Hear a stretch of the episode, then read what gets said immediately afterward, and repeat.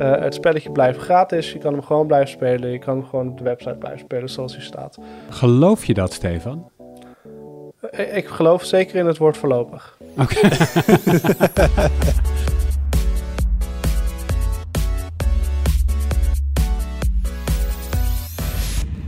Hoi, leuk dat je luistert. Welkom bij een nieuwe aflevering van de Tweakers Podcast. Vandaag zit ik in de podcast met Stefan.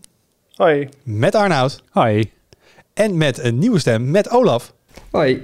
Dan kennen mensen misschien wel een, een Olaf. We hebben al een hele lange tijd Olaf van Miltenburg bij de redactie. Oh, ik ben trouwens Wout. Met mijn eigen naam ook nog een keer zeggen. Ik zag Arnoud al een beetje kijken, gaat hij dat vergeten? Uh, maar sinds eind vorig jaar hebben we, uh, de, hebben we twee Olafs op de redactie. Uh, Olaf Weijers, die voor ons duikt in de wereld van netwerken en smart home. Dus leuk dat je er voor de eerste keer bij bent, Olaf. En uh, dat uh, is ook vanwege ons onderwerp van vandaag, want we gaan het hebben over de vrije modemkeuze. Iets waar we op de site al behoorlijk vaak over geschreven hebben. Uh, Stefan, jij hebt het laatst ook een flinke uiteenzetting van, van op de site gezet, van nou, wat verschillende providers daarmee doen. En vooral ook de vraag, waarom zou je eigenlijk je eigen modem willen kiezen? Maar daar komen we zo meteen op. We beginnen natuurlijk met de highlights. en Stefan, ik begin bij jou. Ja, we hebben volgens mij de afgelopen twee weken heel veel gehad over overnames in Gameland. Dat, we hebben natuurlijk Activision Blizzard, ja. van Activision Blizzard voor uh, 67,7 miljard. Uh, Sony die Bungie overneemt voor uh, 3,6 miljard.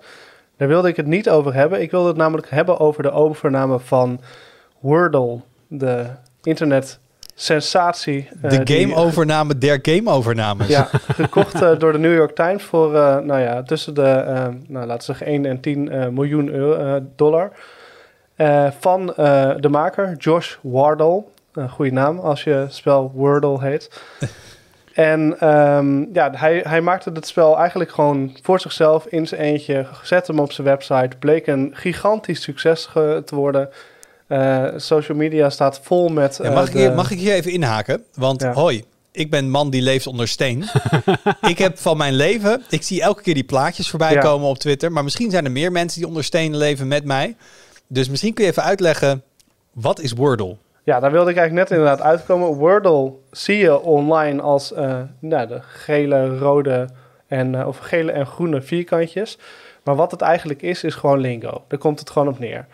Denk lingo gecombineerd met misschien een stukje... Uh, hoe heet dat ook alweer? dat had je vroeger Mastermind. Oh ja. Dat lijkt, doet me ook wel een beetje aan denken. Dus je, je, je hebt een vijf-letterwoord. je moet dat vijf-letterwoord raden. Je krijgt hints door letters te raden op de goede plek te zetten. En dan krijg je een, een gele of een groene. Of hij in het woord staat of maar op niet de goede de juiste plek. plek, ja. Um, en uh, de, het ding met Wordle is dat uh, je kan het één keer per dag doen. En je kan het heel goed delen. En dat maakt het heel erg interessant. Dus maar er is dus één zeggen, woord per dag? Er is één woord per dag. Uh, als je een fout hebt, dan moet je dus gewoon 24 uur wachten. Of zolang als dat het duurt voordat de volgende online komt. Heb je hem goed, ben je natuurlijk hartstikke trots. Zet je dat op social media en dat deelt zich heel makkelijk. Niet met een linkje, niet met een plaatje of wat dan ook, maar met emojis. Namelijk ja, die groene en gele vierkantjes. Um, en uh, gewoon alleen maar de tekst bij Wordle van deze dag, nummer zoveel, gehaald in vijf van de zes uh, kansen die je had. Oh, dat is dus. Dat het is gaat om hoe snel je hem nou, niet ja, hoe snel, maar in hoe, hoeveel, hoe, zo min mogelijk pogingen. pogingen. inderdaad. Nou, dat, dat spel dat, dat, dat gaat keihard rond op social media. Dat gaat op Twitter, staat het overal. Je ziet het op... op uh, in, nou, ik zie het op, in, in Slack terugkomen. Uh, WhatsApp, uh, vrienden die me dat appen. Dus mensen vinden het leuk om dat te spelen. Mensen vinden het leuk om te delen. Het is echt een super klein, grappig spelletje. Wat eigenlijk nergens over gaat. En dat is ook hoe hallo, Hallo, je hebt, het over, je hebt het over lingo ja, in de basis. Ja, ja, precies wel. Het is een goede training voor lingo. En als je daar nog ooit wil meedoen, uh, dan uh, moet je dit gespeeld hebben. Nee, maar wat heel erg leuk is hieraan is... Dit is gewoon een gast die dit gemaakt heeft... omdat hij het leuk vindt om te maken... omdat het om grappig leek. En de New York Times die heeft daar gewoon best wel een groot bedrag voor over... En uh, dat, ja, dat, dat, dat gun je denk ik in, iedere indie-maker wel. Om gewoon een paar miljoen te verdienen met een grappig internetspelletje. Zeker, en dit is natuurlijk helemaal... Vroeger was het uh, mensen die de kruiswoordpuzzel in de krant deden... en dat dan met elkaar gingen over ja. hebben of delen of iets anders. Dit is natuurlijk het digitale equivalent. En daarom is het ook denk ik helemaal niet gek dat de New York Times dit overneemt. Want voor mij hebben zij niet ook een soort spelletjes-site met meer Ja, zij hebben inderdaad een, een, Zij staan natuurlijk super bekend om hun uh, crossword puzzle, crossword puzzle hun kruiswoordpuzzel, die ze dagelijks in de krant hebben en eh, sinds een aantal jaar online. Maar ze hebben inderdaad een pagina waar heel veel van dat soort kleine puzzelspelletjes staan. Ja, daar past deze perfect tussen. Ze hebben wel gezegd, we gaan vooralsnog het gewoon lekker laten zoals het is. Uh, het spelletje blijft gratis, je kan hem gewoon blijven spelen. Je kan hem gewoon op de website blijven spelen zoals hij staat.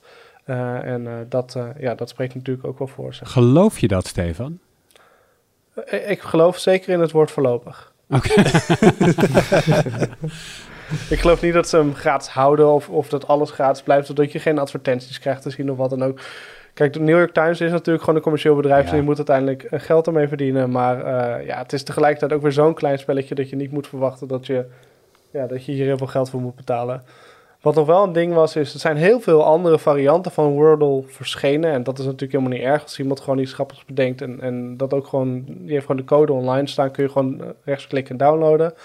Mensen zijn daarin gaan klooien. Je hebt dus een Nerdle, je hebt een, uh, een, een, een scheldwoorden Wordle, je hebt een, uh, een Nederlandse Wordle. ja, het is een beetje de vraag, kunnen die al die makers kunnen die dat gewoon blijven hosten als het zo meteen, of als het nu van de New York Times is. Dat is. Uh, nou ja, dat, vind ik, daar moest ik ook aan denken. Want normaal als je iets overneemt, vooral in, in techland, dan kijken ze altijd naar hoe uniek is dit. Wat neem je over? Neem je de mensen over? Neem je de IP over? Uh, neem je te, een tech stack over? Maar als dit inderdaad eigenlijk lingo is en dus al bestond. En volgens mij kun je dit niet echt patenteren, dit spelletje. En iedereen kan het gewoon nabouwen. Wat hebben ze nu behalve dan de naam? Um, overgaan. Ja, Want voor mij mag jij... En de code, maar die is dus voor mij rechtermuisknop. Je kan hem opslaan, oké. Okay. Ja. Maar ik bedoel, als jij zegt, um, als een concurrerende krant zegt, wij willen dit ook. Dan zet een programmeur een weekend erop en hebben ze dit ook. Met eigen from scratch deze code. Zo ingewikkeld zal het niet zijn. Nee. Dus ik vraag me wel een beetje af wat, waar, de, waar de waarde in de Wordle zit. En dan denk je dan toch dat zij het dan Wordle mogen noemen en de rest niet. Ja, en de vorm, de kleur, de manier van delen, de, misschien de database aan woorden zou je nog kunnen zeggen dat dat, uh, dat, dat uniek is.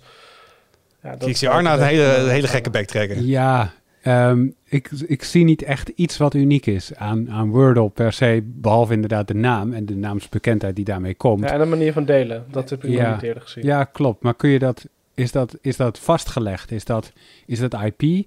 Want het zijn gewoon emojis en dat is niet echt ja. apart voor Wordle zelf. Dat, die waren er al. Dus, mm, en, de, en, de, en ja, een woordenboek kan je overal vandaan trekken, dus dat kan je ook niet echt vastleggen. Uh, het lijkt heel makkelijk te klonen, laten we daarop ja. houden. Maar ik kan me wel voorstellen dat, hè, want dit is nu, wij hebben hier ook over geschreven, heel veel mensen schrijven hierover. Het is natuurlijk wel een mooi momentje voor de New York Times. Dat het ook kunnen nabouwen en gezegd, wij hebben nu een nieuw spelletje op de site. Of het bericht is, wij kopen World over. En ik denk dat het een veel meer impact maakt dan het andere. Ja. Um, ja, dus het zal wel wat goodwill ook uh, voor de New York Times natuurlijk. Ja. ja, zeker. Dus ik denk ook ergens wel dat dit gewoon toch die, die naam is. Want ja, het ziet er nou niet echt uit als het meest ingewikkelde st stukje codebase, zeg maar, om eventueel na te bouwen als je het zou willen. Um, maar ik ben dus benieuwd of het inderdaad dus um, gratis blijft. En daarbij, ook al is het op een gegeven moment niet meer gratis, of het tegen die tijd überhaupt nog populair is. Want dit klinkt wel als zo'n ding ja. waarvan mensen over drie maanden weer zeggen, hè, wat? Ja, het is wel zo'n uh, zo'n uh, eendagshit natuurlijk. Ja, natuurlijk. Ja. Zoals je die hebt op internet. Ja. Of een 1, 2 maanden hit, zeg maar. Maar dit voelt een beetje als zo'n equivalent. Uh, ik heb ook een, een, een, een week lang buiten rondgelopen met Pokémon Go, net als de rest van Nederland. En toen was het opeens ook poef, toen was het weg. En Wordle heeft nog een extra nadeel, namelijk dat het geen app is, maar een site waar je naartoe mm -hmm. moet. Dus je kan het op je mobiel wel spelen, maar het staat niet automatisch op je homescreen, zoals met de geïnstalleerde app wel zo is. En ik denk dat op het moment dat je er het mee geconfronteerd wordt en mensen die dat delen, denk je, oh ja, ik moet de Wordle van vandaag nog even doen. Uh, leuk, maar op het moment dat dat niet meer gebeurt, dan zakt het echt als een pudding in één, toch? Ja, nee. het is natuurlijk ook zijn kracht, maar, maar dat het gewoon zo simpel is dat je het gewoon even op de site speelt. Maar ik ben het wel met je eens dat ik het nu ook, uh, ik vind het ook wel leuk om te doen, maar ik heb best wel vaak dat ik denk, oh ja, Wordle. Oh, dan heb ik het alweer drie dagen niet gedaan. Dan gaat mijn streak. nee, en als je, als je een app bent, kun je natuurlijk mensen elke dag een push notification sturen. Kan als website ook. Moeten mensen even aanzetten. Maar dan kun je makkelijker bij mensen opdringen. Maar ik heb in ieder geval besloten dat ik uh, helemaal, zoals ik dat altijd doe, veel te laat. Ik ga morgen ook maar eens beginnen met Wordle. ja. Want dit, dit ziet eruit alsof het al bijna over zijn hype heen is. Dus dan moet ik er nog zeker eventjes wel uh, wat tijd in stoppen. Maar Arnoud, do you even Wordle? Ik doe de Nederlandse Wordle. Uh, want ik beheers het Nederlands veel beter. Ik vind het hartstikke leuk. Um, maar ik merk wel dat, dat nu heb ik het, ik doe het uh, een paar weken, zoiets. En ik denk nu wel, ja, oké. Ik heb het ook wel weer een beetje gezien of zo. Ik denk niet dat ik er heel lang mee door zal gaan. Maar uh, ja, je- en je mist ook, je mag, je mag niet in de bak met ballen graaien achteraf. Precies. En je, niet het publiek wat je aanmoedigt. geen François Boulanger. Nee, die Geen ik François- ook. ja. Maar jij bordelt dus ook, Stefan. Eh, Olaf, wordel jij? Eh, ik heb het een paar keer geprobeerd. Ik ben er belachelijk slecht in. Dus ik kreeg geen streaks op gang. En ik zit ook niet in een kringetje waarin het eh, eh, gedeeld wordt met me. Dus dan word je er ook niet aan herinnerd van... oh ja, nog even de Wordle van de dag. Dus nee, dat, het gaat, Wordle gaat tot nu toe een beetje langs me heen. Oké, nou ik ga, ik ga het morgen een, eh, een kans geven als de, als de oude man die ik ben... die dit soort dingen allemaal niet meer bijhoudt. Alright, Arnoud. Ik ga ook als een oude man klinken, Wout. Nou, dat ben je ook ergens wel, dus kom maar op. Ah, ik wou dat je dat niet zou zeggen. Eh, ik wou het hebben over de Galaxy S22-serie. Ehm, Dat is een hele moderne telefoon, meneer de oude man. ze- zeker, Vertel. hij is nog niet eens aangekondigd. Dat gebeurt, als het goed is, volgende week. Ehm, Oh, de aankondiging is aangekondigd, toch? Ja, de aankondiging is aangekondigd inderdaad. En, en zoals gebruikelijk is bij telefoonreleases, ligt alles al op straat. Dat gebeurt ook. Alle specs, alle prijzen, alle plaatjes. Je kan ze allemaal al zien. Vallen me toch een aantal dingen op. En die wou ik toch even met je doornemen. Ten eerste, ehm, het lijkt erop dat de Galaxy Note nu echt dood is. Nood is dood. Note is dood. Check. Wat denk jij ervan, Wout? Is dat, eh, ben je daar rouwig om? Nee, want ze gaan toch gewoon een pennetje erin stoppen? pennetje in de stoppen. duurste. Ja, Dat, en dat was de Note. Note was groot met pen. ja. En nu is de S22 Ultra groot met pen. ja. Ze hadden net zo goed S22 Note kunnen noemen inderdaad. Dat had eigenlijk geen verschil gemaakt. Het enige, maar ik ben geen marketeer, is dat ze natuurlijk altijd een voorjaarsintroductiemomentje hadden en een najaarsintroductiemomentje. Kon je twee keer eventjes in de spotlight gaan staan. Dat hebben ze nu dan, nou, Note was vorig jaar ook niet uitgekomen, dus dat hebben ze dan nu minder. Nou ja, Eh, ze, hebben, maar dat ze hebben de vouwbare, hè? Die hadden ze vorig jaar Ja, oké, nu kunnen ze in het najaar kunnen ze de Volts gaan doen en dan kunnen ze alles wat niet fout, kunnen ze in het voorjaar doen. Dus eh, nee, maar voor mij als jij als consument iets groots wil met een pennetje, dan ben je nog steeds voorzien, toch? Ja, daar ben je nog steeds voorzien inderdaad. Maar ik vond het een opvallende stap. Een tweede stap die ik zag is dat de telefoons en de schermen een beetje kleiner lijken dan bij de S21-serie. En ook dat vond ik opvallend, want we hebben jarenlang de omgekeerde trend gezien. Het telkens maar grotere en vooral langere schermen. En eh, nu, eh, ik heb eh, de, de, de, de uitgelekte renders over foto's van vorig jaar ingelegd in Photoshop, want zo'n nerd ben ik dan ook wel weer. En ik dacht, ja, inderdaad, het scherm is e- ongeveer even breed, maar wel een stukje korter. En dat heb ik niet eerder Maar gezien. significant? Ja, significant als in... Ik bedoel, ik weet niet of je het gaat merken in de dagelijkse praktijk, maar je kan... Dat noem ik significant als ik het ga merken in de dagelijkse praktijk. je- hm, ja, als je er gevoelig voor bent, dan zie je het wel, denk ik. Denk het wel. Jij wel. Ik wel, ja. Zo, zo eentje ben ik wel, ja. En dat maakt die telefoons ook weer iets kleiner. Ehm, en ik denk dat dat heel veel mensen toch ook wel plezier doet. Want kleine telefoons, daar hebben we er niet al te veel van. Ehm, Ja, maar als je het nu hebt over een, een insignificante verkleining van een al hele grote telefoon, mogen we dan spreken van nu is hij weer kleiner? Dit, dit is een klein beetje nou, dat denk wishful thinking, zeg maar. Kleine telefoons, die bestaan toch gewoon Nee, niet het meer? is niet klein klein. Het is relatief klein. Maar eh, ja, ik vond het toch wel... Zeg maar, ik, ik heb nu jarenlang aangezien dat die dingen telkens maar groter werden. Nu eh, zien we de trend de andere kant op. Heerlijk. Dus ja, opvallend. Als je het eenmaal geaccepteerd hebt, de grote telefoon. Ik heb ook jarenlang heb ik eh, weerstand geboden. En als je het eenmaal gewoon aan overgeeft, is het heerlijk. Zo'n kleine tablet in je handen, toch? Maar zo groot is de telefoon die je hebt niet, toch? Ik heb een, een Pixel 6 Pro. Dat is, Dat is eh, behoorlijk eh, groot. Die is wel vrij groot, ja. Dat, dat, ik, vind, ik vind het een flink apparaat. Ehm, ik heb alleen op een gegeven moment gewoon geaccepteerd dat ik mijn telefoon 80% van de tijd met twee handen gebruik. En daar ben ik op gaan uitzoeken. Terwijl ik eerst al dacht, ja, maar als ik dan met één hand mijn telefoon vast heb, dan is hij zo groot. En dacht ik, ja, maar dat, dat, op de fiets mag het dan niet meer. Ehm, en, en dat was ongeveer een, een, een situatie waarin ik dan misschien een telefoon in één hand zou gebruiken. Maar als ik thuis op de bank zit, ik heb twee handen vrij. ja. Als ik op straat loop, ga ik toch vaak ook even stilstaan. Want ik heb al heel vaak... Hebben jullie trouwens ook wel eens dat je zeg maar, die close call met de lantaarnpaal hebt? Dat je zo naar beneden zit te kijken, toch een beetje vooruit loopt.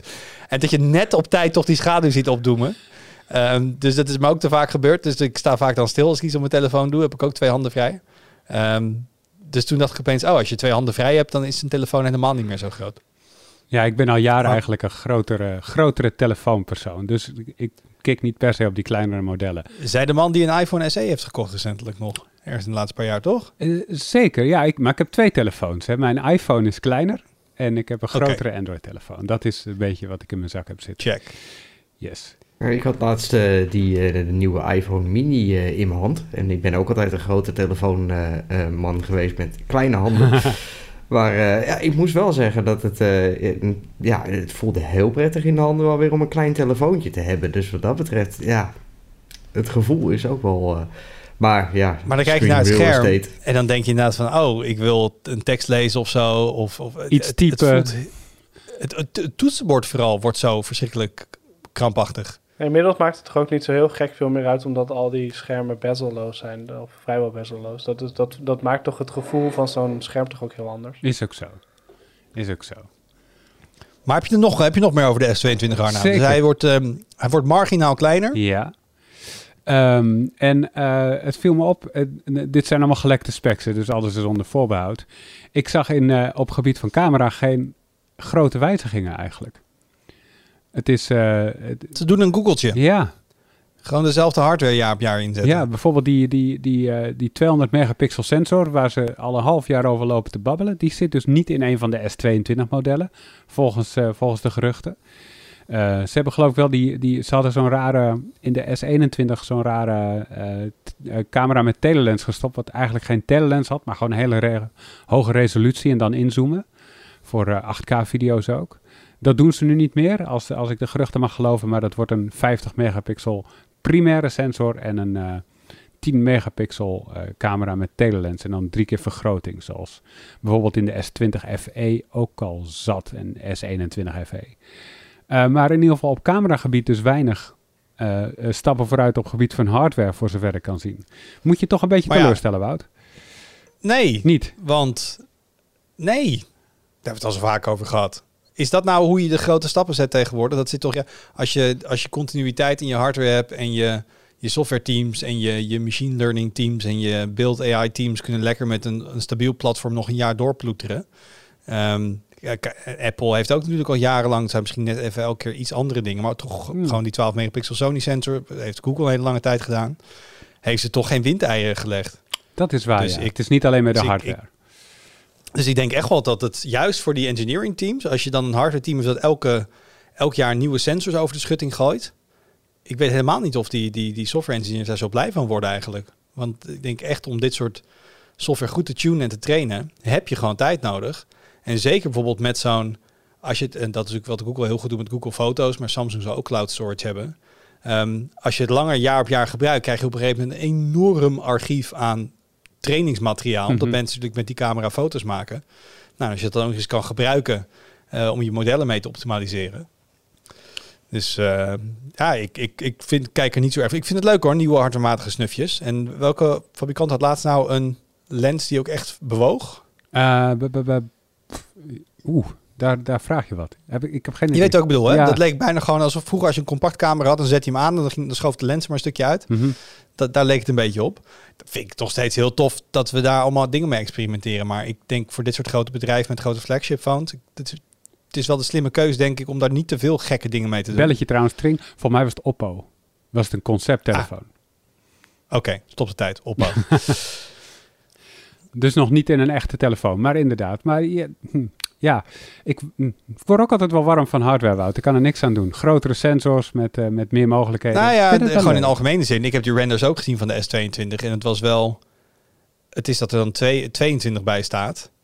Maar uh, waar we het al vaker over hebben, je wilt natuurlijk ook als je wat nieuws koopt, dat je echt ja. iets nieuws ziet. Ja. En dat je denkt, um, mensen kopen ook geen auto en dan denk je, ja, het ziet er eigenlijk hetzelfde uit als mijn vorige auto. Ja. Je wilt toch ook iets nieuws hebben van binnen en van buiten. En met telefoons komen we wel een beetje op het punt dat je geen eens gooi er een hoesje omheen en het valt geen eens op. Ja. Um, en daar zijn best wel dure dingen voor, dat je geen eens kan genieten van je, je, je nieuw, nieuwigheidsfactor, zeg maar. Ja, als je nu zo'n Galaxy S van twee, drie jaar oud hebt, dan denk ik niet dat, je, dat het onmiddellijk gaat kriebelen van zo'n nieuwe S22 inderdaad. Maar goed, we gaan het zien volgende week. Misschien zitten er nog grote verrassingen die wij nu niet weten. Dat zou kunnen. Het zou zomaar kunnen. Nieuwe, eindelijk die nieuwe Exynos chip die ze uh, wel gingen aankondigen, niet gingen aankondigen. Ja. Misschien, Arnaud, zit alle vernieuwing wel Precies. onder de motorkap. We gaan het, uh, we gaan het zien.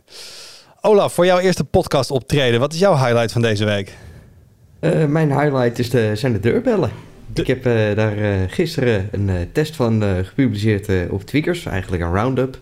En daar hebben we wat verschillende batterijgevoede deurbellen vergeleken. En uh, ja, dat uh, is een uitgebreid artikel geworden. En zijn ook getest op wat, wat punten wat je niet zo heel vaak ziet uh, in andere reviews. Dus bijvoorbeeld de reviewkwaliteit of de wifi-kwaliteit. Uh, die wij natuurlijk in het lab in de, in de kooi kunnen, kunnen testen. Dus daar, daar zijn wat interessante dingetjes terug te vinden. Maar oké, daar kom ik zo op terug. Maar eventjes, ben jij nu overtuigd van de noodzaak van een camera-deurbel? Ik bedoel, je hebt er nu vier uitvoerig getest. Die gaan dan weer terug naar de fabrikanten. Is dit het moment dat uh, Olaf zelf de knip trekt en er eentje haalt?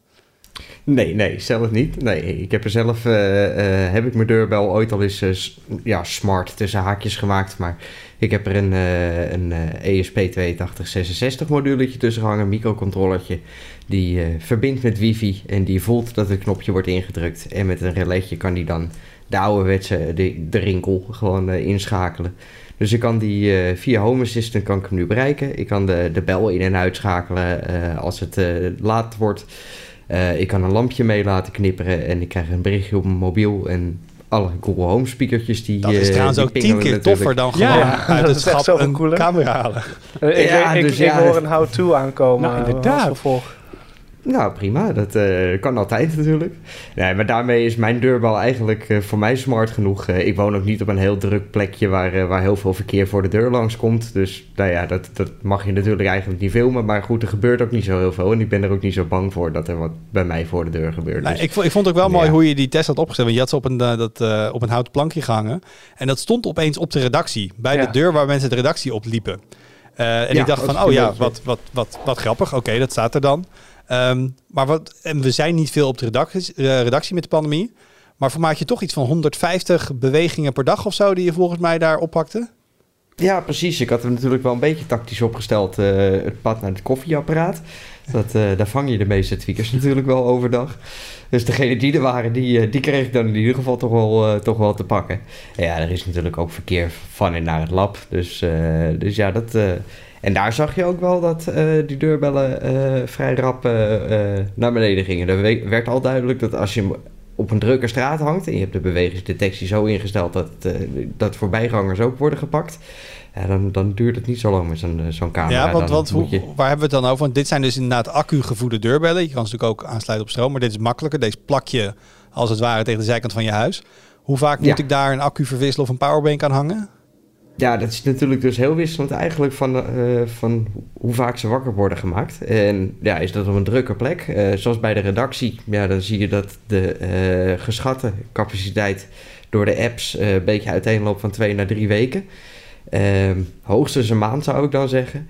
Uh, ja, hangt die op een hele rustige plek, zoals bij mij op de galerij voor de deur, dan verwacht ik dat het uh, gewoon zes maanden meegaat. uh, zoals door sommige fabrikanten wordt opgegeven. Want ja, dan wordt die tien keer per dag wordt hij misschien wakker. En dat is hem dan wel. Dat zijn alleen maar buren die er nog langs lopen. En, Lijkt me ook wel een beetje. Ik, ik, zou, ik heb veel batterijgevoede apparaten in mijn huis.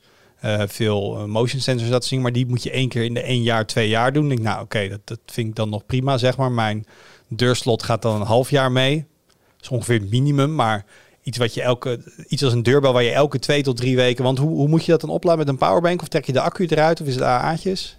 Het is een uh, beetje verschillend. Je hebt bijvoorbeeld, uh, ja, ik heb hier achter me hangen, uh, de ring. daar, daar haal je de frontplaatje vanaf. Die zit met een Torx schroefje zit die vast gemonteerd. Dan krijg je overigens wel netjes een schroevendraadje krijg je erbij.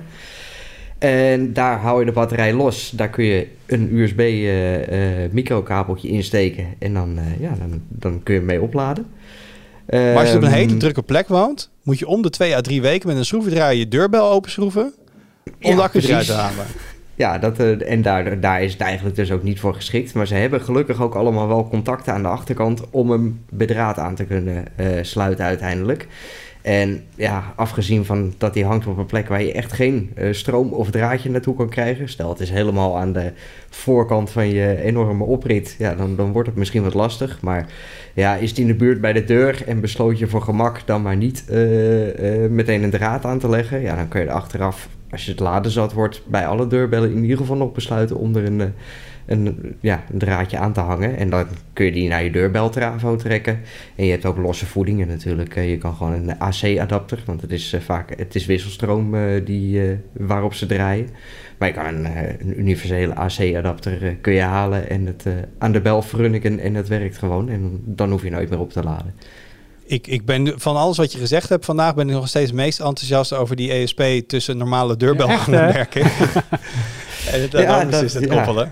Krijg je eigenlijk ook data van hoe vaak er aangebeld wordt eh, eh, van die dingen terug? Kun je dat ergens inzien? Want ik ben wel benieuwd. Eh, ik heb hem nou- natuurlijk op de redactie gehangen. En nou, iedereen die er langs liep, die vond het wel even leuk om te belletje lellen. Ja, precies. Nou, sterker En nog, er ging, ook om ze, en er ging de telefoon van Olaf ging elke keer af ook. het verzoek was dan ook om ze meteen alle vier in te drukken. Want dan bleef het batterijverbruik voor alle vier een klein beetje Ja. hetzelfde in ieder geval. Eh, nou, ik kon dat eh, bij de EUFI in ieder geval. eh, die gaf daar een heel mooi eh, statistieke venstertje over. Van nou, hoe vaak is hij getriggerd? Hoe vaak was dat een valse detectie? Dus is hij vrij snel weer in slaap gegaan. En hoe vaak is het uiteindelijk toch... omdat het een bewegend bosje was of een bewegende boom door de cloud afgekeurd en dus niet opgeslagen. Dus daar krijg je allemaal wel net de statistieken uit. En op, die, op basis van die statistieken heb ik het artikel ook de, de grafiek gemaakt. Eh, de andere deurbellen, ja, dan zul je dus echt eh, eh, ja, minimaal de gebeurtenissen moeten gaan tellen. Maar dan heb je dus uiteindelijk vaak dus nog niet de, de gebeurtenissen die afgekeurd zijn door de deurbel. Want hij wordt af en toe natuurlijk gewoon wakker van iets wat beweegt, wat, ja, een vliegje wat langs vliegt. Het zijn ook van die dan zie je niks. 2022 zinnen. Mijn deurbel heeft de gebeurtenis afgekeurd. Als je dat gewoon vijf jaar geleden tegen iemand zegt, weet je toch ook niet waar je het over hebt? Nee, dat gaat hard, hè, zulke dingen. Ah, nee, maar het is eh, ja, eh, voor mij persoonlijk eh, zo'n smart deurbel. ja, de, ik, mis de voice en de camera functie niet zo heel snel. Maar buren zijn ook altijd thuis, want dat zijn oude mensen. Dus die pakken een pakketje wel aan als het nodig is. Dus die hoeft geen opdrachten te geven van zet maar achter de, de boom of de plant. Dus nee, dat eh, voor mij is eh, wat ik nu heb, eh, is voldoende. Maar het is absoluut wel handig natuurlijk dat je, ehm, als je nog helemaal geen smart deurbel hebt, dat je in ieder geval overal een pingeltje krijgt waar je ook bent in huis, dat je bel afgaat. Mocht je nog niet een hele luide gong hebben. Nou ja, en, de en de maat van mij die heeft dus inderdaad zo'n deurbel en dan ook de rest van zijn dingen van zijn huis redelijk smart, waaronder zijn garage. Ehm dus zijn postbezorger weet ook gewoon de deal, die belt aan. Dan is die, is die maat helemaal op werk. Dan zegt hij, ja, je weet hoe het moet. En dan vanaf zijn telefoon doet hij zijn garage open. En die postbezorger die shoelt dan gewoon het pakkettengarage. Nou, dan gaat de garage weer dicht en dan gaat hij weer weg. Dus Ideaal. het zijn van die first world problemen die je ermee oplost. Maar, ehm, maar nog één klein dingetje. Want je zei, stel nou dat hij helemaal aan de voorkant van je gigantische oprit zit. Dat vond ik wel heel tof. We hebben natuurlijk, eh, daar zijn we al tijd lang aan bezig. Wel, ik was in de podcast over gehad. Een, een testopstelling om wifi apparatuur te testen. Dus we hebben ook het bereik van die dingen getest. Want ja, als je hem verder weg plaatst, dan moet je natuurlijk wel nog verbinding kunnen maken. Ehm, Fluctueerde dat heel veel? Eh, nee, eigenlijk eh, bij drie deurbellen was het, liep het vrijwel gelijk op.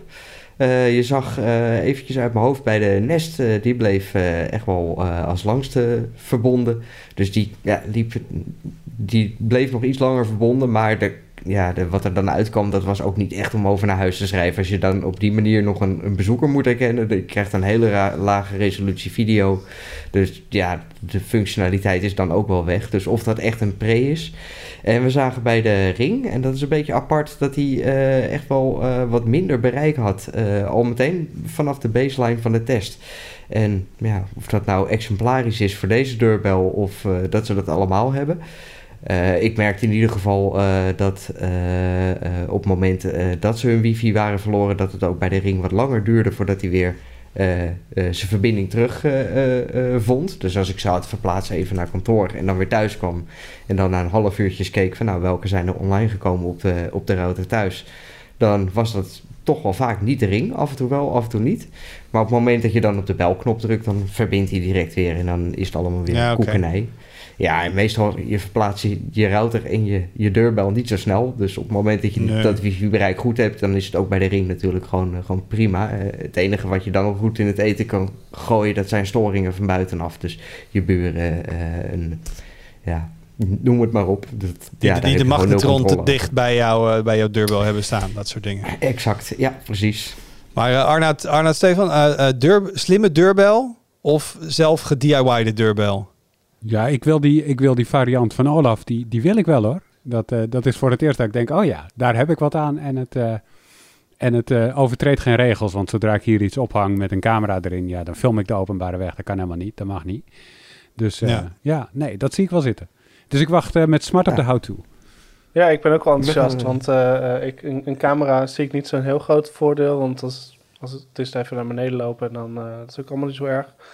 Maar ik zou het wel handig vinden om hem uit te kunnen zetten. In plaats van dat ik nu de stekker eruit haal. Eh, ik heb gewoon zo'n ding die in Als de stopcontact baby slaapt, bijvoorbeeld. Precies. en ik heb inderdaad van 12 tot 2 hier een kind slapen. Dan is het wel fijn als ik even de bel kan uitzetten. En dat ik het wel binnenkrijg op mijn telefoon. Want dat Ja. zou wel prettig zijn. Want nu, Olaf, ik hier, hier gaan we het na de podcast gaan we het over hebben. Ik denk dat die brood in, eh, brood in zit. hey, ik wil het nog even hebben over, eh, over tablets. Want die bestaan nog. We hebben hele grote telefoons tegenwoordig, maar ook, eh, ook tablets. Want Arnold, jij had een leuk stuk geschreven over het feit... naar aanleiding van een uitspraak van Google... Ja. ehm, of in ieder geval wat informatie naar buiten was gekomen... eh, Google neemt tablets weer serieus. Mhm. Eh, dus ze hebben een afdeling daarvoor opgezet als ik het wel heb. Ehm, eh, dat is natuurlijk niet de eerste keer dat Google iets met tablets doet. Er komt nu Android 12L uit, bedoeld voor foldable devices en wat grotere schermen. Dat eh, brengt mij weer helemaal terug naar Android Honeycomb, Ja, wat ooit ook. speciaal voor tablet gemaakt was. Eh, maar het leuke was, had denk ik wat ergens in de ochtend gepubliceerd. ehm, eh, Google neemt tablets weer serieus. En vier, vijf uur later een nieuwsbericht over een rapport van IDC die zegt de vraag naar tablets daalt. Ja. Ehm, dus ik vroeg me wel, jij zit hier een beetje in. Qua timing snap ik hem echt niet. Ik denk, als Google nou echt tablets serieus had genomen, ze waren ehm, toen, toen Android 3.0, Honey- was het Honeycomb 3.0? Ja. Toen het uitkwam, toen hadden ze zeg maar voor de troepen uit kunnen lopen. Toen hebben ze het niet echt gedaan, ze snel laten vallen. Toen hadden ze op een gegeven moment heel erg veel succes, of veel succes, critical acclaim zeg maar, met de Nexus 7. Mhm. Toen hadden ze het door kunnen trekken. Toen hebben ze ook niet gedaan. En nu eigenlijk tablet verworden is tot gewoon doe maar een iPad. Zegt Google, ja maar nee, tablets. Ja, Dus misschien kun jij hem uitleggen voor mij. ik denk dat zij, eh, een, want ze hebben het over een toekomst die ze voor zich zien waarin tablets eh, de primaire, of niet, ja, misschien wel de primaire eh, computing devices worden. Dus de primaire computers. Ehm, en ik denk dat zij dat zo voor zich zien dat de lijn die je nu ziet, zeg maar, je hebt goedkope tablets, zoals de Nexus 7 vroeger. Je hebt nog steeds de, de, de goedkoopste versie van de iPad. Je hebt de Galaxy Tab A-serie van Samsung. Voor mij is Lenovo, ook Lenovo, goed, die goedkope precies, tablets. die heeft er ook een hoop. Amazon natuurlijk, met zijn Fire eh, tablets. Dat zit ook aan de goedkope kant van de markt. Dat is er. Daar gebeurt niet zo heel vreselijk veel. Ehm, en aan de andere kant heb je eh, duurdere tablets. De, de iPad Pro eh, varianten en dingen die dus makkelijk 800, 900 euro kosten. Dus evenveel als een, eh, als, een, als een luxe smartphone, zeg maar. Waar je ook een toetsenbord aan kan klikken, waar je stylus voor kan krijgen, dat je erop kan tekenen. En die, die hele reutemeteut, zeg maar. En dat is nu ook een soort van markt aan het worden, waar niet heel veel volume in zit. Hè, want de, de, de, de, het, aantal eh, tablets dat over de toonbank gaat, dat, is, dat, dat was in 2012 en 13 nog steeds veel hoger dan dat het nu is. Eh, maar dat waren meer die goedkope modellen. En de duurdere, da- daar zit toch wel een zekere opmars in. En ik denk dat ze daar een, een soort toekomst in zien. Door daar ehm, een goede Android-versie en een goede tablet voor te maken. Om op die manier eh, wat van de markt te kunnen pakken. Oké, dus als ik eh, nu denk van jee, er komt weer een Nexus 7 of er komt een Pixel eh, 7 tablet, die kans acht jij klein? Ja, ik denk niet dat ze richting die onderkant van de markt gaan. Doen ze ook niet met Pixels. Wel Pixel A True. telefoons. Dat is dan wel weer 400, 500 euro. Maar ook echt goedkoop is dat niet. De Nexus 7 was, ik heb het nagezocht, 229 en 269 euro uit mijn hoofd. Oh, mooi was die tijd. Ik heb hem nog steeds. ik gebruik hem niet Welke? zo meer, maar... Gen Nexus- 1 of Gen 2? eh volgens mij Gen 1. Met die, met, die, met die putjes in de achterkant. Ja. Oh, Ah, daar heb ik zo ook mooie herinneringen dat classic. ding. Ja, Ja. maar dat, eh, ik, zie Google dat soort apparaten niet meer maken. De laatste eh, Android tablet die ze hadden uitgebracht was de Pixel C. Zes jaar geleden alweer. Meer dan zes jaar geleden. En dat was ook al een ding van eh 500, 600 euro. En dan moest je het toetsenbord nog kopen en eh, dat soort dingen. Dus ja, Maar, maar wat, wat is nou het gebruik dat Google dan voorziet voor die tablets? Want ik kan me bijvoorbeeld wel voorstellen dat nu we steeds meer gaan videobellen, ja, dat, dat je echt een, een, een tablet maakt die daar echt helemaal op ingericht is, dat dat wel heel erg interessant kan zijn. Maar is, is dat een beetje hoe ze dat voor zich zien? Of? Ja, ik denk eigenlijk dat ze, dat ze... Want ze hebben natuurlijk een deel van de markt in handen van laptops met Chrome OS. Dat zijn echt goedkope dingen vaak. Ik denk dat ze, dat ze eh, met deze meer achter de Windows laptops aangaan. En dan kijken of ze daar iets, iets van kunnen pakken. Met inderdaad dezelfde soort insteek. hè. Ik- Camera's zou zeker kunnen. Ik denk ook dat ze de ondersteuning willen verlengen ten opzichte van, eh, van eh, hoe het nu in tablets gaat. Om, eh, om te zorgen dat je dat met, een- met een veilig gevoel kan kopen en vijf, zes jaar kan blijven gebruiken. Dus ik denk inderdaad dat ze daar meer brood in zien. En ja, dan is camera inderdaad wel een van de dingen waarin je heel makkelijk kan onderscheiden van laptops. Want laptopcamera's zijn nog altijd prut natuurlijk. Nou, op CES zagen we de eerste Ja, ja. hoopvolle tekenen dat camera's nu ook wat serieuzer worden genomen. Oké, maar dan, eh, dan weet ik genoeg. Dan hoef ik niet ehm, mijn, eh, mijn hopes up te krijgen voor eh, mooie nieuwe Nexus 7 opvolgers. En Stefan, je moet maar heel erg, heel erg zuinig zijn op die van jou. Want ik had er ook een en hij is stuk gegaan. En ik Oh. kreeg het niet gerepareerd. Ah. Dus ehm, Ja, ik, ik, eh, ik gebruik hem eigenlijk niet meer. Hij ligt nog steeds in de kast, maar ik zie het als een hele leuke tablet voor als mijn zoontje wat groter is om eh, hem daarmee lekker te laten spelen. lekker Wordle spelen. Precies. Was Ehm, het niet bij dat tablet dat het eh, flashgeheugen op een gegeven moment helemaal versleten en dat hij daardoor inderdaad... eh, heel traag werd. Ja, ging. dat, Volgens mij is de mijne daar ook aan gestorven namelijk. Dat, ik heb hem ook nog ergens in een laadje liggen, maar... dat is inderdaad op een gegeven moment die dingen is dat, eh, is dat helaas gebeurd. Ehm, Stefan, waarom hebben wij vrije modemkeuze? Waarom hebben wij vrije modemkeuze? Ja, dat hadden wij tot voor kort niet. En Nou, nu wij wel. hebben vrije modemkeuze omdat, eh, eh, om, om, omdat eh, je wat te kiezen moet hebben. eh, eh, Wout, dat is, eh, dat is waarom we dat hebben. De Europese Unie heeft, eh, heeft dat een aantal jaar geleden al bedacht. Eh, die heeft ged- gedacht, eh, ja, mensen kunnen natuurlijk routers kiezen. Maar mensen zouden eigenlijk ook eh, wel wat meer apparaten in hun huis moeten kunnen kiezen. Dus eigenlijk dat eindpunt van een verbinding zelf kiezen. Dat heeft een aantal voordelen voor de gebruiker natuurlijk. Die kan, heeft veel meer vrijheid om, om te kiezen wat hij zelf nodig heeft. Een betere wifi, meer configureerbaarheid of eh, eh, instellingen voor, voor ouders en dergelijke. Eh, en aan de andere kant heb, eh, is het ook goed voor de concurrentie als er, eh, als er ja, wat meer ruimte op de markt komt en ehm, eh, meer partijen modems kunnen maken. Ze zeggen ja, dat is goed voor de innovatie. En, en we hebben dat nu omdat de autoriteit Consument en Markt die heeft vorig jaar een beleidsregel gepubliceerd en die is begin, of eigenlijk nu net, eind januari is die, is die ingegaan. En ehm, daarin staat dat het eindapparaat, zo noemen ze dat dan, eh, dus de modem, maar ook de, de, de, de, de, de router en ook de eh, tv-box en ook de, eh, zeg maar voor de, voor, nou kom ik even niet op de naam, het kastje voor de media converter. Daar Ja. heb je hem. ik duurde even. De media converter, dat je die eigenlijk zelf zou moeten kiezen. Want dat zijn allemaal eindapparaten. En eindapparaten liggen bij de gebruiker en niet bij, eh, eh, ja, bij de provider. Is eigendom van de gebruiker. En dat heeft een aantal ehm, consequenties. Namelijk, de providers die moeten hun systemen openstellen voor externe apparaten. Dus voor externe modems, externe media converters. Die moeten de specificaties van hun verbinding online zetten. En dat delen en ook eh, ja, gebruikers helpen om, eh, ja, om, om, eh, om die aansluiting voor elkaar te krijgen. En ze mogen geen apparaten blacklisten of whitelisten.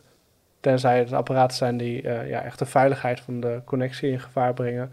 Maar in principe doen de meesten dat niet. Dus dat is waarom we, waarom we dat nu hebben. En ik kan me zo voorstellen dat als je een provider bent, dat je hier niet blij van wordt. Nee, providers die hebben hier heel erg lang tegen gevochten. Trouwens niet alle providers, maar een aantal grote providers, eh Vodafone Ziggo eh, voorop.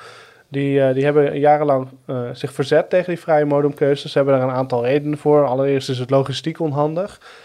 Want het is ja, voor hun heel handig dat wanneer zij in de wijkkast apparatuur van de ene aanbieder, of de ene fabrikant hangen, dat het ook handig is dat het kastje aan de andere kant van die kabel van dezelfde fabrikant is.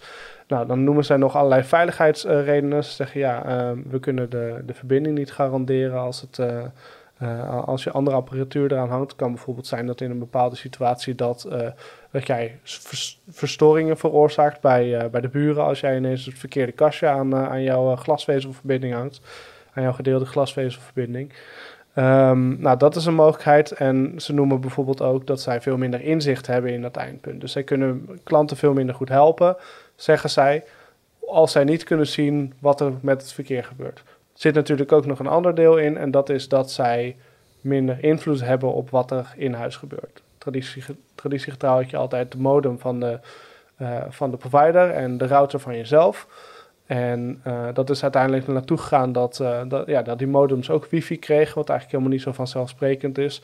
Maar dus dan heb je ineens geen router meer nodig. Uh, dan kreeg je gewoon modemrouters, die, die, dus, die dus ook wifi in huis hadden. Die waren van de providers, die zijn nog steeds van de providers. En waar je nu naartoe gaat is um, dat zij via dat apparaat steeds meer diensten kunnen aanbieden. Smart home dingen, dat zij eigenlijk allerlei dingen combine kunnen combineren en nou, je dichter in het huis kunnen komen of dichter bij de gebruiker kunnen komen. Ook allemaal informatie kunnen verzamelen, maar dat staat er misschien een beetje los van. Maar um, ja, dus zij hebben er natuurlijk ook een baat bij dat, dat, ja, dat dit niet kan. Want Ja. dan kunnen ze die diensten allemaal niet meer aanbieden. En dat is waar ze extra geld mee kunnen verdienen. Maar die strijd hebben ze verloren. Eh, ik kan me herinneren dat Ziggo op een gegeven moment ook dat je zo'n gastnetwerk op je modem kreeg. Dat je als. Ziggo klant Ja, dat is zo'n voorbeeld van een dienst inderdaad. kon roamen inderdaad door je stad heen. Eh, maar Olaf, als, als ik nu denk, hey, ik kan nu mijn eigen modem kopen, wat leuk. Wa- Wat is er, is er veel te krijgen op dit gebied? Ik weet wel dat er gewoon heel veel routers te koop zijn, maar kun je gewoon van allerlei grote fabrikanten modems kopen? En waar verschillen die dan in? Ja, nou je kan natuurlijk eh, al jaren heb je de DSL-routers eh, die, eh, die gewoon vrij verkrijgbaar zijn. En dat, ja, dat is gewoon gemeengoed. Bij ADSL, daar zit je, of ADSL, bij glasvezel, daar heb je de media converter. En over het algemeen komt daar ethernet uit. En ja, die media converter die, die doet ook niet heel veel. Dus ja, daar zou je niet heel eh, snel een andere van willen. Daar kan je direct een normale eh ethernet gebaseerde eh, router dus op aansluiten. Dus dat is ook al jaren mogelijk. En eigenlijk als enige bij Ziggo was het voorheen toch echt lastig om een eigen kabelmodem aan te sluiten. En op die markt heb je op dit moment alleen de, de Fritzbox die, die verkrijgbaar is. En, ja, dat is, dat een, is eh, ergens wel raar. Nou, dat is eh, juist niet zo raar, want, want eh, eh, er, er, er was geen vraag naar, er was geen markt voor. Dus Nee, ik snap het, komen maar we weten altijd dat dit eraan komt. Dus ik dacht, oké, nu komen dus Nee. rondom dit moment verschillende fabrikanten met... jongens, wij staan klaar. Nou, er zijn in- wel een paar in- fabrikanten die zeggen dat zij eh, ja, dit een interessante markt vinden en erover nadenken, maar ze hebben nog geen producten klaarstaan. En Olaf, als ik dus... een- Ik, heb een, ik ben een Ziggo-gebruiker. Ik heb het volgens mij iets van Ubi wat ze mij geleverd hebben. Een box. Stel, ik zou naar eh, zo'n Frits-box gaan. Wat, wat, wat levert mij dat op? Ehm, ja, niet direct superveel. Daar moet je wel een beetje een motief voor hebben. Eh, als je eh, wat meer wil afstellen, bijvoorbeeld op wifi-gebied, wat meer instellingen wil hebben, dan, ja, dan, dan kan een Fritzbox of in, eh, ja, in het geval dat er straks andere alternatieven komen, kan dat inderdaad wel een, eh, ja, handig zijn. Want de eh, standaard Connect-box van Ziggo die is wat beperkt qua instellingen. Die heeft ook geen kindermodus. Dus dat soort dingen, dat, ehm, ja, die opties, daarvoor zou je het eigenlijk doen. En het scheelt dat je alles in één hebt. Ehm, Ja, maar ik ben tweaker, dus ik wil natuurlijk niet alles in één. Bijvoorbeeld, ik heb nu dus mijn modem in bridge-modus gezet. En ik heb Ja. daarachter mijn eigen router. Ja, Ehm, precies. En dan heb ik ook nog eens access points daarbij aangesloten. Dus in die situatie heeft het zin om een eigen modem te kiezen. Als je het routingdeel niet gebruikt, kun je iets instellen aan hoe het modem modemt. Nee, Is dat een... mm, je, je kan wel, Nee, je kan wel is- voorkeur, eh, als- je kan toch bepaalde eh, eh, eh, apparaten prioriteit geven als je die instelling Ja, dat- hebt. Maar dat, dat zou je normaal gesproken dus ja. ja, met de bridge modus zou je dat op je router eh, regelen. En in de bridge modem doet, eh, modus, doet het modem dus ook niks anders meer dan modemen. En ja, als je dus een eigen modem hebt, kun je aan die instellingen niet heel veel eh, aanpassen. Want ja, die zijn door, door Ziggo gedicteerd. En zo moet je met hun netwerk omgaan. Want anders kun je dus bijvoorbeeld storing veroorzaken. Het enige waar je misschien iets meer inzicht krijgt, is in de verbindingsopbouw en de logs daarvan. Op het moment dat je eh, eigen modem, eh, je connectbox in bridge modus staat, dan kun je er ook helemaal niet meer bij. Je kan geen logbestanden meer uitlezen. Dus de enige die er nog wat kan zien wat er mis is, is Ziggo. Maar ja, aan de andere kant, op het moment dat het modem stuk is, dan, eh, ja, de, of je verbinding doet het niet, dan bel je Ziggo. Dan kunnen zij dat heel snel zien en dan zullen ze een nieuwe opsturen. Dus in hoeverre je dat zelf wil diagnosticeren. Maar goed, ja, er zijn mensen die willen echt alle controle en alle logjes en alle dingetjes in hun netwerk gewoon... eh, Oh, maar die, die wel. kennen wij niet bij ons in de, in de community. Dus eh, Nee, maar, Nee, ja, precies. maar, maar, maar kijk, redenen die, die, eh, die er zijn om, om voor een eigen modem te kiezen, ja, je noemde er net al een aantal, maar wat je bijvoorbeeld ook nog zou kunnen noemen is stroomverbruik. Als je meerdere apparaten hebt draaien die eigenlijk eh, min of meer dezelfde functie zouden kunnen doen. Waarom dan niet één apparaat die al die functies heeft en die je zelf beheert? Dan, zou dan, dan scheelt dat weer stroomverbruik, al is dat natuurlijk verwaarloosbaar de hoeveelheid. Het ging om, wat was het ook weer, 11, uh, uh, wat had je nou ook weer gezegd, uh, Olaf? ja, 11 watt verbruikt ja. die voorbij ongeveer. Ja. Dus dat... ja, precies. Ja, het staat wel 24-7 aan natuurlijk. Ja. Als, jij een modem, als jij zelf een router hebt of een modem die 7 watt verbruikt of 6 watt, bedoel, het misschien tientjes werk, maar... Ja. Nou, en er zijn er natuurlijk nog, uh, uh, ja, in het geval van Ziggo is er in ieder geval nog een motief dat je zou willen overstappen. Het geldt niet voor heel veel mensen, maar er zit in de Connectbox uh, een chipset, de Puma 6 chipset. Daar is, zijn wat problemen mee op het gebied van latency spikes. En daar merk je als normale gebruiker eigenlijk vrij weinig van. Maar gamers uh, die, uh, die kunnen dat wel merken. Nou hebben ze al inmiddels met wat updates uh, de problemen tot het minimum kunnen beperken. Maar het zit in de hardware en het is niet helemaal weg te krijgen. Dus ik heb toevallig net nog even een testje gedraaid. Want ik wilde straks het nieuwe modem gaan aansluiten. En je kan nog steeds die latency spikes gewoon met een, een pingtest kun je reproduceren. Dus het zit er nog in. Alleen ja, in de meeste gevallen zul je er als gebruiker niet zo last van hebben. Het, uh, en, ja, meest ellendig is eigenlijk nog, je hebt een alternatief nu natuurlijk in de vorm van een Fritzbox. Maar die is ook gebaseerd op Puma 6 en Puma 7 chipset. En ook de Puma 7 chipset heb ik van begrepen dat het nog niet helemaal weg is. Dus ja, het alternatief dus dan zouden we daar niet, wat, uh, wat, meer concurrentie op de markt gaan moeten zien. Maar oké, okay, dus het, Precies, het, ja. het, puur het vervangen van je modem... als je al los routert in je netwerk meerwaarde is gering. Maar klopt het ook, Stefan? Ja. Um, er zijn meerdere apparaten van Ziggo in huis. Bij mij niet. Ik gebruik een C module rechtstreeks in mijn tv. Maar ze willen natuurlijk bij veel mensen zo'n zo'n mediaspeler neerzetten voor alle dingen. Mag ik die nu ook van een ander merk gaan kopen en gaat dat werken? Um, nou ja, volgens mij komt het erop neer dat je inderdaad alle eindapparaten uh, heb je vrije keuze over. En zij moeten de specifica specificaties daarvan online zetten. Nou, bijvoorbeeld voor, um, uh, voor de DBC, DBV DBVC en IPTV hebben ze dat ook gedaan.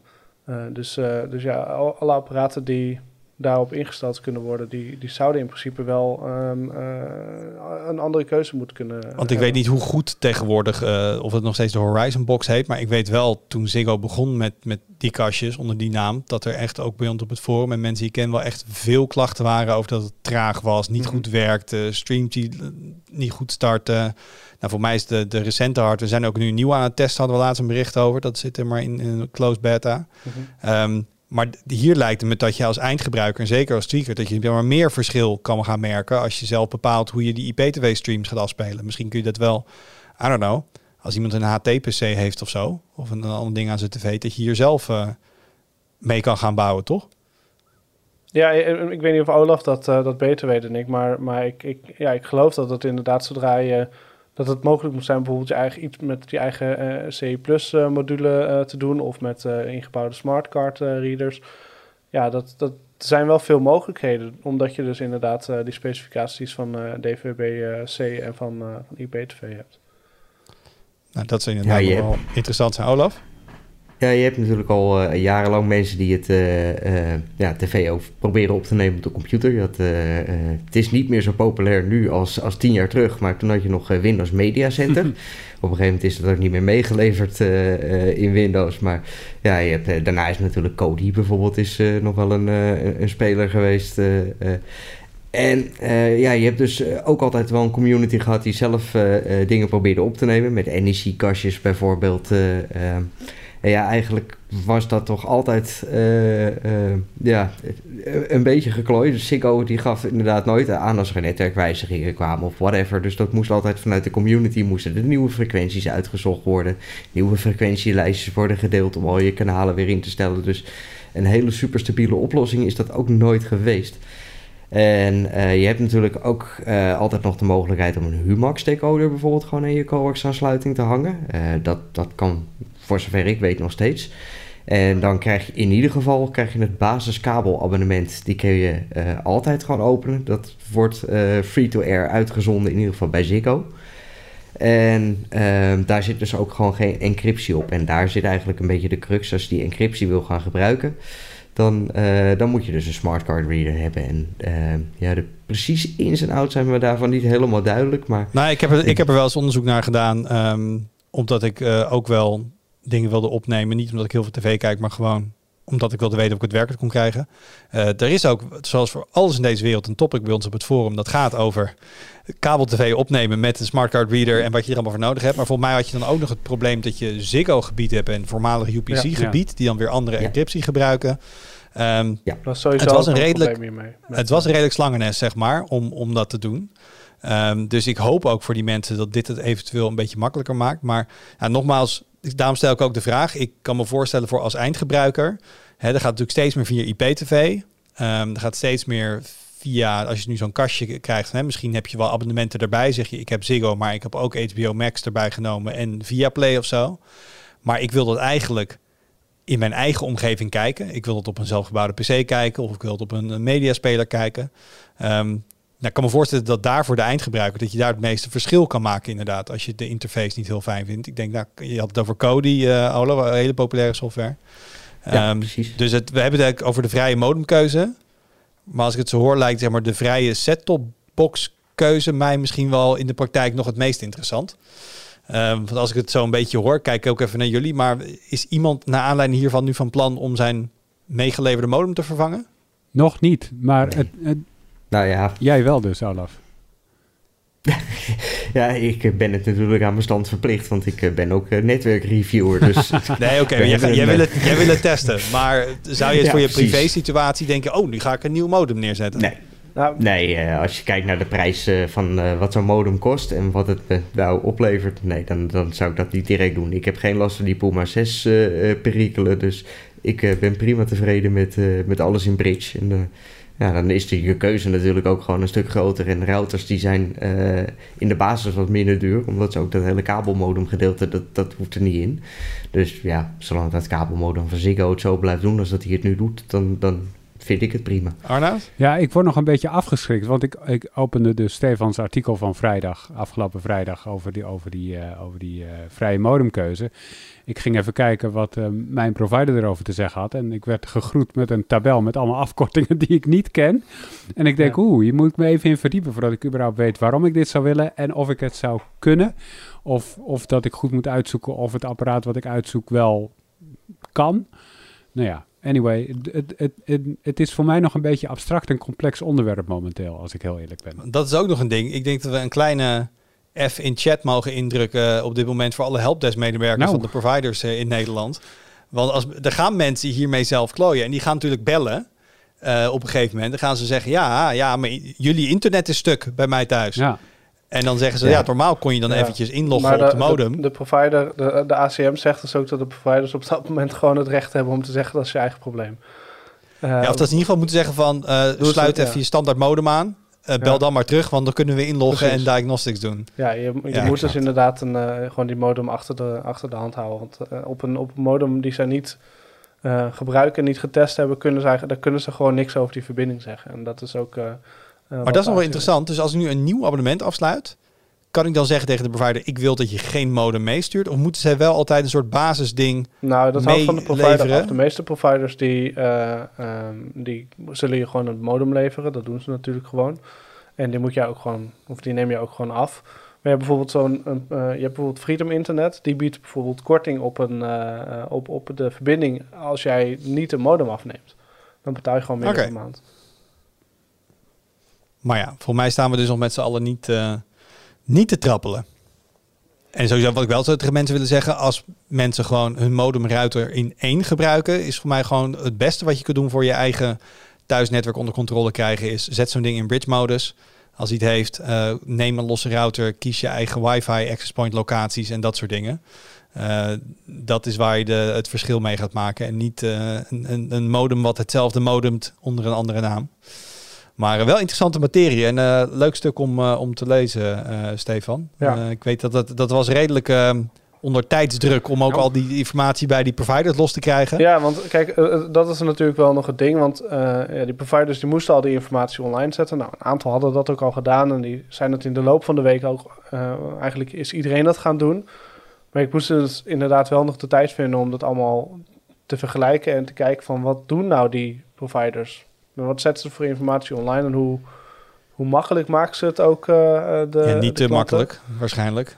Nee, ja, dat viel me echt wel op hoor. Want um, kijk, KPN die heeft bijvoorbeeld al sinds 2020 die informatie online staan. En die hebben het inmiddels ook al redelijk duidelijk online gezet. En ze hebben bijvoorbeeld ook een bijzondere uh, service tool gemaakt die je echt helpt met het maken van allerlei, of het instellen van allerlei apparaten. Dus speciaal voor de tv, speciaal voor de telefoon, speciaal voor, uh, uh, voor internet, voor je modem.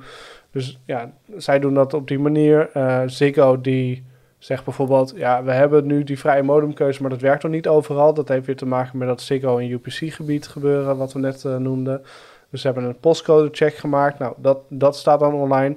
En als je dan vervolgens zegt, ja oké, ik ik, ik kan dat, ik wil eigen apparatuur aansluiten, dan zeggen zij, moet je contact opnemen met de klantenservice, want uh, uh, dan moeten zij jou in een andere ja, configuratiebestand een bootfile sturen, zodat jouw modem ingeregeld kan worden. En als je dan denkt, nou maar ik wil het echt zelf doen en ik wil echt zelf die specificaties induiken of weten of mijn modem geschikt is, ja, dan word jij begroet door een Engelstalig PDF-bestand die helemaal vol staat met met, met allemaal specificaties die bedoeld zijn voor fabrikanten. Dan, dan is er niet echt heel erg duidelijke uh, informatie beschikbaar voor klanten. En datzelfde geldt voor, voor, Delta. Die doet heel goed naar de ACM-regels gekeken van wat is het minimale wat we moeten doen. Dat we niet op de vingers worden getikt. En dat doen we. En voor de rest hebben we er uh, weinig zin in. En nogmaals, ik, snap het ook vanuit het perspectief van een internetbieder snap ik het ook wel. Want dit is allemaal gedoe waar je eigenlijk niet op zit te wachten. Nee, nou ja, ja het dat is natuurlijk dus de ene internetaanbieder is er anders in dan de ander. Want ik sprak bijvoorbeeld met uh, ja, jullie misschien alles wel bekend Randal, uh, de, de baas van, uh, van Tweak. die, um, um, die ook met Tweakers vandaan komt. Um, hij, hij, hij, hij zegt, ja, wij, wij, wij vinden dat eigenlijk wel leuk als gebruikers dat doen. Of wij moedigen dat wel aan. Kijk, zij zijn natuurlijk wel een glasvezel aanbieder, dus dat is misschien weer een beetje anders. Maar ja, zij, zij moedigen het wel aan om om je eigen apparatuur te gebruiken om zelf na te denken over die verbinding. En ze zegt wel, ja, dat, we krijgen wel, wel soms wel rare telefoontjes bij de klantenservice. Uh, en, en dat kan soms wel ingewikkeld zijn.